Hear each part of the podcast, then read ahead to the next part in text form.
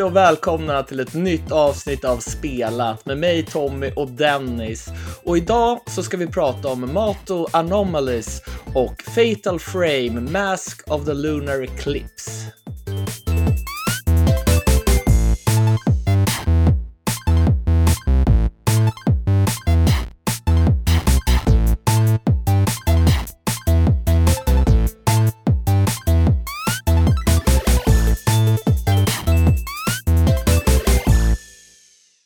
Ja, du har haft fullt upp i helgen. Kan man lugnt säga, ja. du har eh, inte tittat på när målarfärg torkar, antar jag? Nej, eh, det har jag inte. Eller en, en liten stund av det har det väl varit, men det har varit fullt upp med både Ja, för att dra det lite mer sammanfattat så har jag renoverat det här rummet jag brukar sitta i när vi spelar in då. Som är, eh, det är lite av ett allt i allo-rum. Det har varit typ både gästrum, kontor och sekundärt vardagsrum. Eh, och det är det ju fortfarande då. Men nu, eh, nu blir det mycket, mycket trevligare. Det var lite rörigt innan. Ja, nu blir det väl eh, en lite, nästan ett game room. Precis, Va? mycket mer av ett eh, spelrum nu. Ja. Jag säga. Eh, så vi har fixat en mycket större förvaring slash mediamöbel då. Så det är mycket spel uppe Eh, och mycket konsoler inkopplade och en ny tv hänger på väggen också. Ja, ja, ja jag har hört det hintats lite om en eh, mm. C, C, C2 va? Precis, en LG C2 blev det när vi ändå skulle, skulle på och fixa. Så det var en äh. riktig, en riktig morot att eh, jobba på med renoveringen måste jag säga. Men, men, du har ju aldrig kört med OLED tidigare? Alltså i, eh, i tv då? Jag vet inte, du kanske har kört det på annat. Men, men ja, jag hade ju en, eh, en eh, PS Vita en kort period med OLED-skärm. då. Ja, även om jag gillar vitan så är ju inte det alls i närheten av C2. Nej, det kan jag. Några generationer emellan av OLED-skärmar. Eller hur? Mm. ja, det ska bli kul att höra vad du tycker om den här punchen det ger med mm. OLED och HDR och hela den biten. HDR har du ju kört med innan, ja. men jag tänker i med C2 så får du ju betydligt bättre HDR kan jag tänka mig. Ja, precis. Och det är ju mycket, eh, nu har jag inte hunnit testa den så mycket själv, men Emil demonstrerade ju mycket när jag var hemma hos honom då. Och det är ju liksom mycket så här AI i tvn som liksom styr om till Game Optimizer på alla olika inputs och grejer och så får det att se sjukt bra ut med low latency och allting. Så ja, det ska bli spännande att utforska funktioner och spela massor på den helt enkelt. Nice. Nice. Mm. Ja. Hur har du Fan haft det? Gött. Eh, ja, jag har spelat massor. det som jag absolut inte har gjort. Jag har ju knappt spelat överhuvudtaget på, sen sist vi pratade. Nej, eller hur? Det, det är omvända cirkusen idag. Ja, så vi går väl in på vad jag har spelat den här veckan. Ja, men det tycker jag.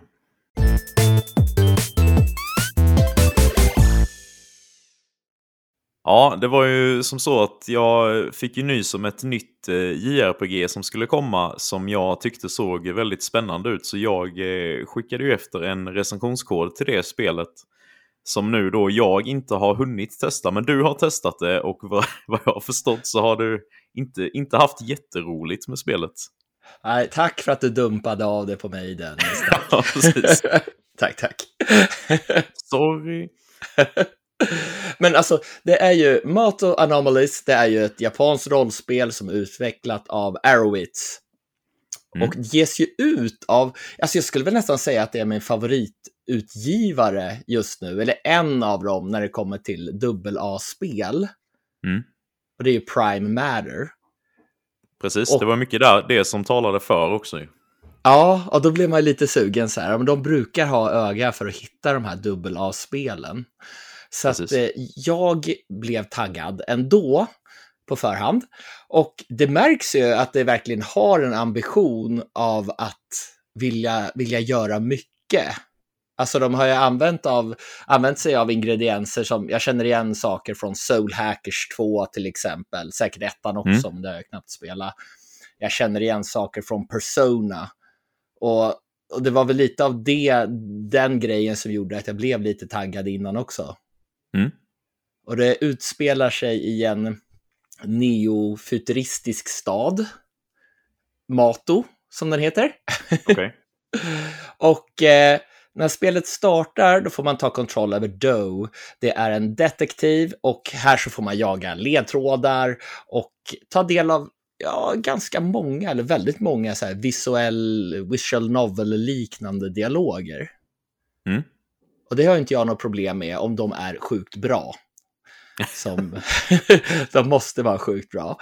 Men ja. man får också spela som Graham när det kommer till spelets strider.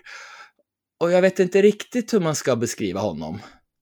Som typ spirituell samurai kanske? Okej, okay. spännande. Och man får slåss mot varelser då som kallar sig för Banetide. Och de härjar i någonting som kallas för metaphysical rifts. Och de finns i olika som de kallar lairs. Alltså bara redan här, metaphysical rifts. Alltså jag somnar lite av sådana här eh, namn. Ja, de, det är inte jättesexiga namn, får jag, det får jag erkänna. Det tycker inte du heller? Alltså, Nej, inte... Som är sci-fi eh, nörd, nörden, men alltså du älskar sci-fi. Jag älskar sci-fi, ja. men jag tycker inte om när det blir så här alltså överdrivet, eh, vad ska man säga, science-fokuserat med så här meta-physical och massa, nej, jag tycker, då tycker jag det låter invecklat och tråkigt typ. Ja, och det är det som jag inte gillar med sci-fi. Alltså jag kan tycka sci-fi är kul. Mm. Eh, jag vet inte, du, du skakar säkert på huvudet och tänker nej, det gör du inte. nej, det gör jag inte. nej, men om vi, ser, om vi, om vi drar ett, eh, ett ganska aktuellt exempel, om vi säger Scars Above då så har du ju inte direkt några sådana uttryck i den stilen liksom. Nej, nej, alltså det gillar jag ju skarpt. Mm. Alltså den, den sci-fi grejen tycker jag ju var riktigt lockande. Ja. Men här så har vi datorer, datorer, snack, påhittade termer och tråkigheter som gör att den här berättelsen, alltså jag, jag får läsa om, för det är ju inga röstskådespelare, eller det finns röstskådespelare i vissa sekvenser, men inte ja. överallt. För jag får läsa om för att jag, min, min hjärna börjar så här associera vidare. Så här, ah, vad ska jag äta ikväll? Vad är klockan då? Vad, ja, lite sådär. Ja. Väldigt kul det här. Eh, och det händer ju massa saker. Det går ganska snabbt ändå i storyn tycker jag, eller tror jag, för jag hänger ju inte riktigt med för att intresset inte finns där. Nej. Eh, men jag tänkte ju lite så här att det kanske skulle vara något för dig med sci-fi, men du är inte heller mm. så inne på just den biten. Och alltså, det hjälper inte att vissa sekvenser är i form av typ serietidningsrutor, alltså tanken med det hela är ju god, alltså få lite karaktär in i det här. Mm. Men alltså det faller ju platt, alltså idéerna är väldigt många. Men det känns verkligen som att det här är lågbudget. Och jag har inga problem med lågbudgettitlar som uh, du säkert vet Dennis. Ja. Dubbel A-spel, det är nästan min uh, favorit. Så ja, men, det, men, inga... det får, men det får inte gå lägre, verkar det som. Nej, nej, indie kan vara lite problem. Mm. och när man ska springa runt i den här staden så kretsar mycket, i alla fall då, kring en bar. Ja. Och upp till den här baren, då finns en rulltrappa. Mm. Kan man springa i den? Tror Nej. du? Nej, självklart inte. Så varje jäkla gång så får man titta på den här karaktären som åker rulltrappa. Åh oh, nej. Och det blir extra kul när man har tittat fel på den här kompasslinjen som finns, typ, ja men hit ska du gå för att prata med någon. Mm. Och så märker man att, nej, det var inte dit jag skulle. Då får man titta på karaktären när han åker ner för rulltrappan igen. Nej. så, så bara, nej. Men striderna då, när man nu ska ut i det här metaphysical rifts och de här lärsen. Då får ja. man då med sig en brokig skara med karaktärer och det, man känner att ja, men det här är ganska JRPG-igt. Och det gillar jag ju. Mm. Och karaktärerna har en gemensam health bar. Så att de har ett gemensamt liv. Så att det är ingen så som knockas och så får du kasta någonting på dem så att de börjar leva igen. Utan okay jag antar, jag har inte dött än, men jag antar att man dör när den går ner till noll. Och så får är man det svinlätt alltså? Ja! och det handlar ju om turbaserade strider. Och en sak som jag faktiskt gillar, det är att man har en massa olika abilities på karaktärerna och de har en form av cooldown. Så det finns liksom inte någon form av MP eller AP-mätare som man, ja, åh, nu ska jag spara allting till bossen, utan här är det bara att köra på. Ja. Så att om jag använder en attack som, om jag säger att den attackerar alla fiender samtidigt, så, så kanske det måste gå tre, fyra rundor innan jag kan använda den här abilityn igen. Mm. Så att det blir ett ganska gött så här, strategiskt grepp. Ja. Men alltså, banorna är fyllda av någon sorts 70-tals orange. alltså ja. det är nästan lika illa som om det vore brunt alltså. Ja. Jag gillar, jag gillar den här, alltså jag gillar ju orange, det kan vara väldigt snyggt. Men den här 70-tals orangea färgen har aldrig tilltalat mig. 70-tals orange, det är väldigt specifikt, jag kan inte riktigt visualisera vad du menar. Uh, Okej, okay, ja men ja, lite åt det brunare hållet än det ljusare hållet om vi säger så då. Fel typ av orange som går mot brunt liksom. Ja. Nej, alltså det är så budget så att det är liksom, det är någon form av fyrkantsnät på marken vid striderna. Mm -hmm. Det känns så sjukt basic, allting. Allting är så basic. Mm. Det kan inte bli mer basic än så här. Nej. Alltså visst, det är kul att gå upp i level, det är skoj. Jag får dela ut färdighetspoäng då som att ja, men jag kan göra en viss attack bättre ja, men den här använder jag mycket så den här vill jag höja. Och så mm. kan man få mer liv och, och så vidare. Och jag kan equippa något, ja, något väldigt datoraktigt på ett rutnät. och, och de blir bättre om de har som typ streck på sig uppåt och åt sidan. Och om man då typ pusslar ihop dem med en annan av samma eh, datoraktiga grej, då mm då, då kanske man får en extra i damage eller en extra i liv eller så vidare. Utöver det som den faktiskt ger när man equippar den saken. Okay.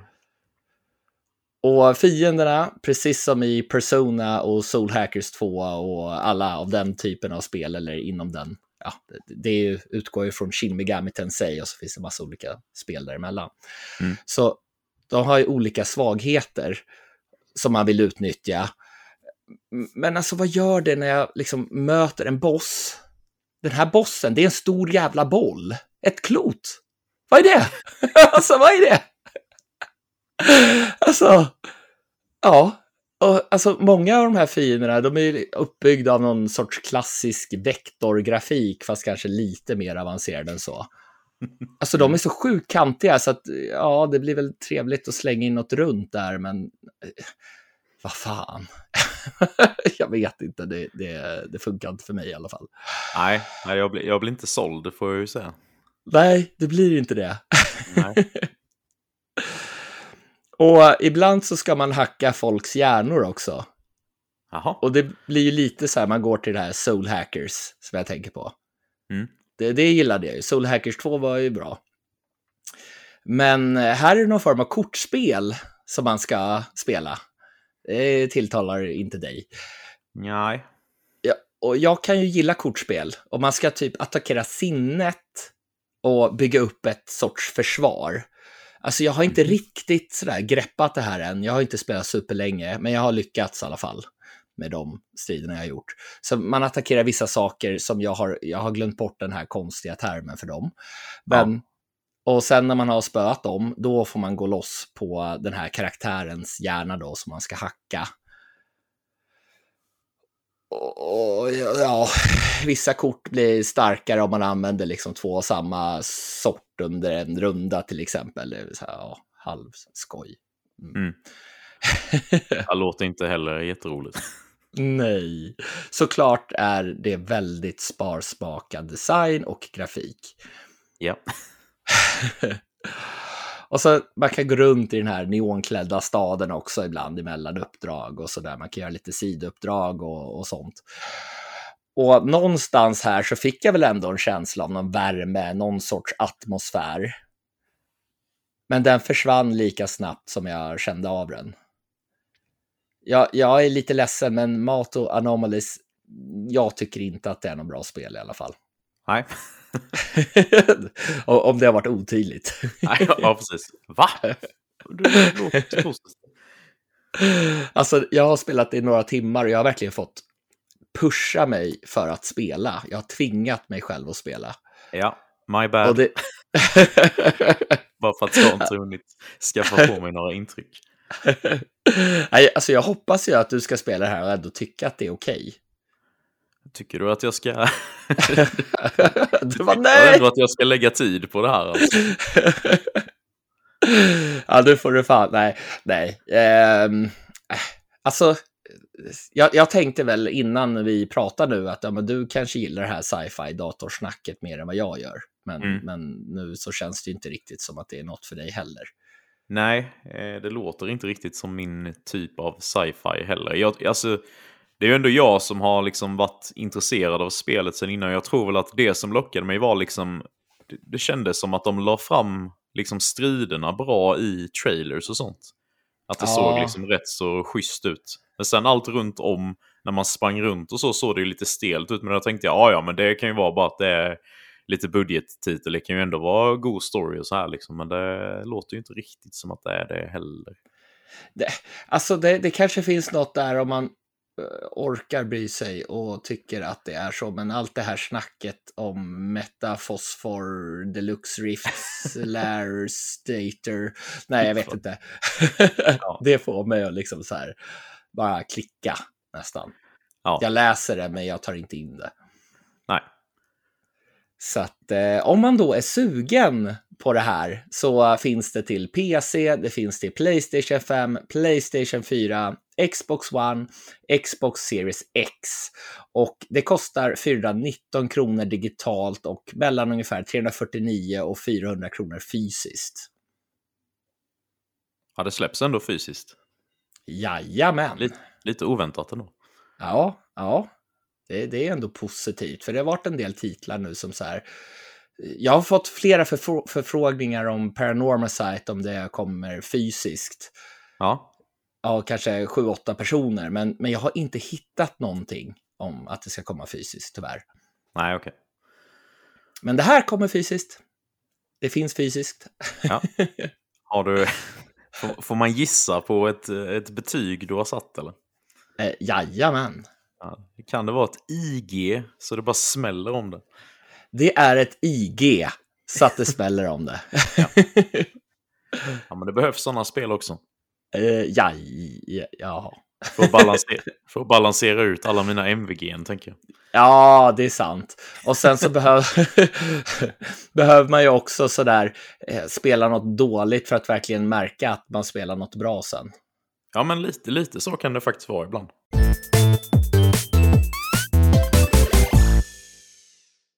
Den här veckan är vi sponsrade av Pixel Energy. Precis, och till skillnad från andra megaföretag som bara försöker köpa sig in i marknaden så görs ju Pixel av ett gäng spelälskande nördar, precis som oss. Ja, och Pixel finns i två olika smaker. Rock and Rage då med röd burk som smakar svartvinbär och granatäpple. Och Liquid Lightning med gul burk som smakar citron och lemonad. Och min favorit är den röda burken. Vilken är din favorit Dennis? Ja, men det är samma här faktiskt. Jag tycker den har riktigt god smak av röda bär. Och eh, Pixel är ju på väg ut till diverse ICA-butiker i hela landet nu, så kolla efter den i er lokala ICA-butik och läs mer på pixelpowerup.se. Så ett riktigt stort tack till Pixel!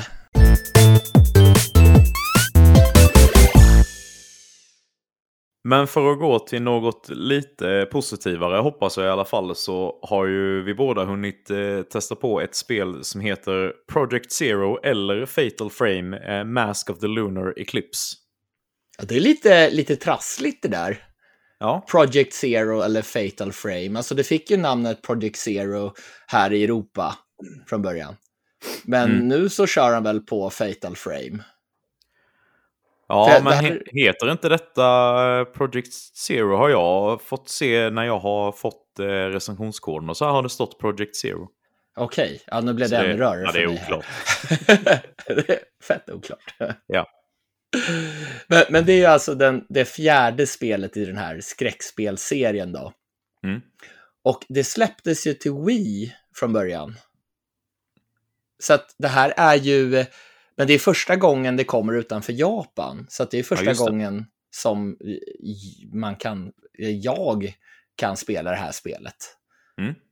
Så att eh, ja, jag var ändå rätt sugen. Alltså jag gillade ju Fatal Frame, Maiden och Blackwater. Det remasterades ju under 2021. Jag spelade ju det och jag har ju pratat om det här i podden. Mm, precis. Men eh, alltså jag tyckte ju inte att det var så himla läskigt. Av en Nej. anledning som jag ska gå in på lite mer sen. Men det här är betydligt läskigare än det, tycker jag. Ja, det, sk- skräckfaktorn är hög kan jag säga av, den, eh, av det lilla jag har spelat. Då. Ja, ja, det blir värre. Ja. Men eh, berättelsen kretsar då kring en så väldigt mystisk ö som heter Rogetsu Island. Och här växte då en grupp tjejer upp under 70-talet. Och de här tjejerna, eller det var ju andra också, men de tjejerna som det kretsar kring i den här berättelsen då, de minns bara de här händelserna som väldigt osammanhängande, vad ska man kalla det, diabilder. ja.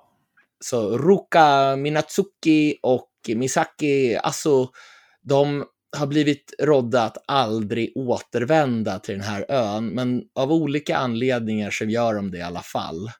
Mm. Men de skulle nog ha lyssnat för att Rogetsu Island är inte någon trevlig plats. Nej, det kan man lugnt säga. det är inget ställe du skulle vilja åka till i Nej, verkliga livet va? Nej. fan. Och mycket av händelserna då, de, det utspelar sig på ett sanatorium och i så riktigt mörka, slitna korridorer. Man ser ljuset så här komma in och svajande, svajande gardiner där och man bara tänker, ah, är det någon som kommer hoppa in här eller vad händer? Mm. Och det är väldigt mycket sådär eh, klassiska skräckspelspussel. Och vad har vi då för vapen, Dennis? En kamera. Ja! Med väldigt speciella krafter. Mm. Det används då som vapen för att döda, eller i alla fall, inte kan man döda spöken och gastar, men, men förgöra dem för stunden i alla fall. Ja, precis. Och, och det är ju fyllt av gastar och så på det här stället. Och det blir ju snart klart att det har utförts väldigt kraftiga och okulta ritualer på den här platsen. Mm. Så att med hjälp av de här kamerorna då så ska vi ju hålla fienderna i siktet då under en viss tid så att den hinner ladda upp och då tar man ett, en bild och då gör man skada på den här fienden. Men det är inte superlätt när de här fienderna rör på sig samtidigt och så måste du ha den i blickfånget för att du liksom ska få den här uppladdningen så att du ska kunna göra ett ordentligt, vad ska man säga, kort, skott, skott, Ja. skottkort. Ja, man kan nästan se det som en, om man eh, jämför det med ett annat spel kanske man laddar upp ett typ lasergevär eller något så måste du liksom ladda upp den innan du liksom kan avfyra då. Det är lite samma Ah. funktion här med kameran då. Precis. Och ibland så är det ju flera stycken sådana här spöken då. Ja, Och det blir ju väldigt svårt när det både är barn, som då är korta, eh, i jämförelse med de här långa vuxna, att Mm. man ska få in dem på bild samtidigt. Och du ser ju inte supermycket genom den här kameran heller, nej. utan det har ju något sånt blinkande ljus, vad ska man kalla det, en blomma uppe i, eller vad är det för något? Som blinkar rött för att visa typ, ja men fienden är rakt fram eller vänster, höger eller bakom dig. Ja, det är ju ett emblem typ. Ja, så att det är inte lätt. Och, och sen ibland när de gör sina attacker då, så kan man ju ta en bild precis när de gör attacken. Och då gör man en fatal frame, då gör man ju extra mycket skada. Mm. Och det kan ju vara lite bökigt för att de här fienderna kanske, ja men de kanske böjer sig bakåt eller gör någonting eller, ja men som gör att det blir svårt att få in den här fatal frame-bilden, så att säga. Mm. Precis. Och så hittar man ju olika linser då med olika egenskaper då, där vissa kanske är mer skada, andra kanske knuffar bort fienden så att du får lite space. Och så kan man ju uppgradera då både kameror och de här linserna och man får så här spirit points när man fotar någon vålnad också, både i strid och utanför. Mm. Så att ibland så kan man ju få se något, att det glimtar förbi som händelser som har skett på det här sanatoriet. Någon vålnad kanske rör sig fram längs korridoren eller sitter i någon rullstol och, och ja, är på väg någonstans eller gör någonting. Så att det, det kanske inte låter så läskigt, men de här skriken och de här Oh. ja, ljudbilden är sjukt bra i spelet. Alltså man, det är sån jävla stämning hela tiden. Oh. Och, ja, det, det är väldigt bra gjort. Jag körde ändå...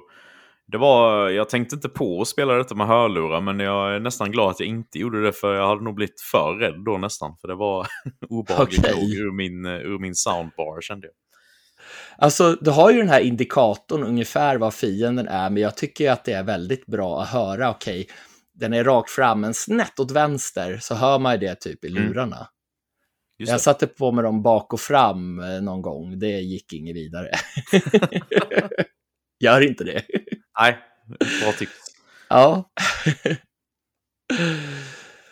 Men, men jag fick skruva ner ljudet lite för att jag blev så fruktansvärt rädd ibland när det är något som låter högt. Alltså det kan vara någon sprakande radio som helt plötsligt börjar, alltså det, det är hela tiden så grejer som är läskiga. Och man vet inte, är det någon fiende, är det något annat som, som händer? Nej, så jag hade inte på max i lurarna. Nej, det hoppas jag. Det är ju superhögt. Om du, brukar du ha det på max menar du? Nej, det är väl mest som jag kör multiplayer. Men då har jag ja. ju röstchatten jag ställer in så att jag har hälften röstchatt och hälften spelet. Ja, det är klart. Mm. Så att det blir ju ändå lägre på spelet. Ja. Men vad är det då som gör, gör, gör, gör Mask of the Lunar Eclipse betydligt läskigare än Maiden och Blackwater? Mm. Alltså, jag vet inte om ni minns när jag pratade om det under 2021, men det var så sjukt lätt. Alltså, man kunde knappt dö även om man liksom så försökte. Och här gör ju ändå fienderna ordentligt med skada om de träffar en. Så att det gäller att ta med sig gott om liv. Ja. Och du får ju spirit points, så att du kan ju hela tiden, vid, vid sparpunkterna, det finns ju som lampor som man kan gå till och där kan man ju handla mm. liv för de här spirit pointsen, bland annat då. Precis det bör man göra, kan jag säga. ja, verkligen. Och det är ju, du kan ju utforska de olika rummen också och hitta sådana... Eh, eh, du ser ju typ som en indikator att här borta finns det någonting som man lyser med ficklampan då så blir det som en blått liksom och då kan du interagera med ett, eh, ett föremål. Då, då kan det vara sådana healing items bland annat. Då. Ja, det är väldigt Precis. värt att utforska också för att man har inte råd att köpa riktigt så många som man kanske behöver. Inte i början i alla fall. Nej. Vi får ju då spela med tre olika karaktärer och alla de är ju där av olika anledningar. Jag kommer inte gå in på varför de är där riktigt. Alltså, det skulle förstöra en del. Men förutom de här tjejerna då som växte upp på den här ön så får vi också spela som en privatdetektiv. Shoshiro Kirishima. Eh, ja, jag är ingen bra på uttal. Eh, och han har inte någon kamera. Mm -hmm. Utan han attackerar med sin ficklampa istället. Och han är ju, alltså den här ficklampan är ju sjukt stark.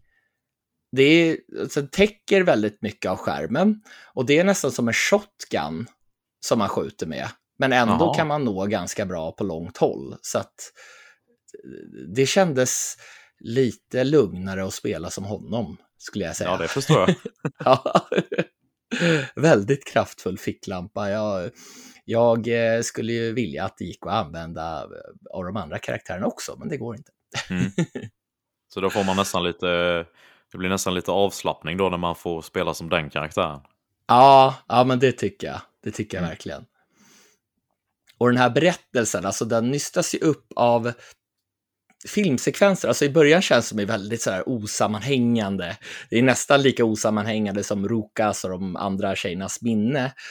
Men med hjälp av de här filmsekvenserna och en massa, alltså då menar jag massa dagboksanteckningar och dylikt, alltså det kan ju hitta det precis överallt, så, så blir det hela tiden klarare och klarare.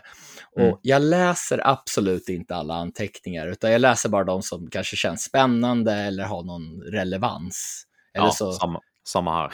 Ja, alltså ibland kanske jag bara skummar igenom, okej, okay, ja men det här, det här var, det tillför inget. Men, men den här berättelsen, alltså den är spännande. Mm. Jag, jag, tycker det. Och vid någon tidpunkt så kändes det lite långtradigt att gå runt i den här byggnaden. Ibland får man ju gå tillbaka. Och... Men då var det hela tiden den här storyn då som gjorde att jag fortsatte, för jag ville veta vad ska hända. Mm. Och sen, sen så tog det fart igen och liksom, ja men, men jag kunde hela, alltså jag gillar när jag har en bra story att luta mig mot för att i nästan alla spel har ju punkter som man kanske inte gillar så mycket, eller episoder eller scenarion. Som jo, man precis. kanske inte vill riktigt göra. Så man kan tröttna på det, men då hade det den här storyn som gjorde att jag fortsatte. Ja. Men vad tycker du om kontrollen då? Alltså den är ju väldigt tankig. Ja, alltså det, man kände ju det redan direkt när man fick liksom ta kontroll över den eh, första karaktären. Och när man började gå runt så bara shit vad sakta man rör sig. Och sen så bara, ja håll in den här knappen för att, för att springa då. Jag bara, ja. är det här springa? Alltså det var, ju, det var ju knappt någon skillnad från när man gick liksom. Nej, var, alltså... Man rör ju sig väldigt sakta. Och sen är det ju... Sen har de ju liksom, gameplayet är ju centrerat kring att du ska styra runt den här ficklampan då och lysa på olika grejer för att sen kunna interagera med det. Men ja. du styr ju kameran med samma spak som du styr ficklampan, så egentligen är det ju bara att du snurrar runt kameran, så det blir lite... Ja, det känns ju som att... Ja, i, det, i den aspekten känns det ju att, som att det har varit ett Wii-spel, liksom att man har haft en eh, sån här Wii-remote och kunnat styra runt ficklampan då. Men det ah. har de liksom ah. inte fått till när de har eh, konverterat det till eh, vanliga kontroller tror jag. Ja, för det kan ju vara lite bökigt sådär, för det kan ju vara en indikator som visar att det är någonting här, man vet inte mm. var, utan du måste lysa på ficklampan för att det ska börja blänka. Ja, precis. Och då kan det vara lite svårt att hitta den här grejen när det verkligen är så oprecist att styra den här Ja, eh, eller hur? Man får, man får liksom gå nästan fram och sen backa lite igen för att liksom få det... Ja, det, det är lite bökigt ibland. Men, men tänk dig då när du liksom är livrädd och ska springa ifrån, eller lunka ifrån någon otäck fiende då, som ja. du kan behöva göra. Precis. Det, det, det, kan göra att det blir riktigt läskigt. ja, men, jo, precis. Men det, det, är ju ett väldigt bra grepp i skräckspel, tycker jag. Att det är lite så här klumpiga och stela kontroller. Att man ja. känner sig liksom mer sårbar på ett sätt än om det är liksom så här tight action eh, med, med snabba kontroller. Liksom. Ja, alltså hade man varit typ Kratos i God of War, då hade det ju inte varit läskigt. Ja, eller i nästan att eh, moderna Resident Evil har ju nästan eh, gått över lite dit också. Ja, jo precis. Alltså, det, det, är ju mer en, vad ska man säga, skrämmande stämning än läskigt. Ja, det här, det här är ju mer av den här klassiska skräcken. Ja. Så att det är både plus och minus att det är väldigt, väldigt sådär, ja, vad ska jag säga, tankekontroll. Mm, jo, men precis. Så att, men, men alltså jag tycker att det här är riktigt läskigt. Alltså det är väl en av de läskigaste skräckspelen som jag har spelat på senare år. Jag håller med dig, även om jag inte har spelat mycket nu. Jag har ju bara spelat eh, prologen och första kapitlet. Du har ju spelat ja. betydligt mer, men eh, alltså så långt så tycker jag också det är superläskigt alltså. Ja. ja. Och bra, ja. På det, för det är ju det man är ute efter i, i ett sånt här spel. Jo, precis. Alltså, man känner ju av att det inte är något högbudgetspel. Alltså, vissa filmsekvenser rullar kanske lite för många gånger om och om igen. Ja. Och det hade väl kanske fått vara lite mer variation i designvalen i det här sanatoriet. Alltså det känns väl som att det är kanske inte jättestor skillnad på designen. Mm. Men alltså, de har verkligen lyckats med att få till en skrämmande, spännande berättelse. Och den här stämningen gör ju alltså att det, det blir riktigt bra. Verkligen. Så att jag är helt nöjd. Jag är väl kanske på de sista fem procenten nu, så att eh, jag, jag kommer spela klart det här i alla fall. Ja, ja men jag är absolut sugen på att köra mer. Eh, vi får se om det, om det, alltså, det, det är ju mycket annat va? Det, ja. Jag blir irriterad att det kommer så mycket bra spel. För det här vill jag också sätta mig in i mer, men jag får se om jag hinner. Ja, ja, ja det är väl det som är lilla problemet då. mm, det är ju det. Men väldigt bra spel alltså. Ja, precis. En, en grej jag gillar också är ju att det ligger ju typ som ett filter över grafiken hela tiden som liksom är som ett lite så att det nästan knastrar i grått, typ som, som en sån här riktigt gammal tv-apparat. Typ, har du tänkt på det? Ja, ja det, ja, det, det har jag verkligen tänkt på. Ja, det är ett väldigt snyggt grepp tycker jag som eh, också bidrar till den här kusliga atmosfären. Ja, ja men eller hur? Alltså det är ju samma med de här, vad ska man säga, filmsekvenser av saker som hände på 70-talet. Mm. Det är ju väldigt Alltså det är verkligen som om de spelar upp någon sorts gammalt klipp, alltså riktigt mm. gammalt klipp. Och det ja. tillför ju stämningen, precis som det här brusiga eh, filtret mm. de har lagt på. Jag tänkte först sådär att jag var lite så, jag brukar inte gilla när de har olika filter och sånt så att det blir lite nästan blurrigt, fast det blir det ju inte riktigt här. Men ja. jag brukar inte tycka om det, men det passar väldigt bra här. Mm. Ja, jag tycker det. Och eh, det finns nu tillgängligt till Nintendo Switch, Playstation 4, Playstation 5, PC, Xbox One eh, och eh, Xbox Series X och S. Men det finns bara digitalt, till mhm. skillnad mm. från Blackwater. Det, det kostar 529 kronor ungefär digitalt. Men man, man kan köpa det på PlayAsia fysiskt. Eller det finns Aha. det säkert i andra Eh, butiker också. Men, mm. men jag vet att det finns på PlayAsia. Och eh, då är det med engelsk text. Ja, just det. Och du har ju inga engelska röstskådespelare även om du köper det digitalt. Så att det är väl, skulle jag gissa på, samma version. Ja, det är nog. Det är bara släppt i Asien då. Ja. Så att, eh, ja, Alltså ett till spel som vi har fått förfrågningar om om det kommer fysiskt. ja, men nu svarar du på det direkt ju. Ja. Nej, alltså jag blev eh, chockad för att jag gillade ju, nu har jag glömt bort vad det heter, men Blackboarder. Ja. Alltså jag gillade ju det, men det saknade ju den här skrämmande, det blev ju inte skrämmande när det blev så himla lätt. Nej. Och det är det ju inte här. Så att äntligen får jag uppleva ett riktigt eh, Fatal Frame slash Project Zero-spel på riktigt, mm, så att säga. Precis. Så att eh, jag, jag är väl nästan lite taggad på att gå tillbaka. Jag har tvåan, Project Zero 2 till Playstation 2, som jag är lite sugen på att ta tag i också. Mm. Det förstår jag. Men jag har satt ett VG på det här spelet. Mm. Ja, det, egentligen tycker jag väl att jag är nästan lite inte kommit tillräckligt långt för att sätta ett betyg. Men av, eh, av det jag har spelat än så länge så är jag också på ett eh, VG. Jag tyckte det var ett riktigt bra skräckspel som verkligen hade en kuslig atmosfär. Så det är väldigt bra. Ja, härligt. Kul, kul att höra att du också gillar det här klassiska skräck, skräcks, eh, skräckupplägget så att säga. Ja, men det gör jag så länge det inte är liksom som de eh, eh, gamla Resident Evil med fasta kameravinklar. Eh, det, det, det, har jag inte riktigt kommit in i. Nej, det funkar inte längre för mig heller. Och jag försökte ju spela Silent Hill 1 för 10-15 år sedan någonting. Ja. Och det var helt omöjligt idag. Mm. Så att det här känns lite som hur jag kommer ihåg att klassiska skräckspel var men, men att det är bättre rent funktionellt, alltså hur, hur man spelar spelet. För de här klassiska är ju ofta väldigt svåra att spela idag, tycker jag i alla fall. Ja, jag håller med.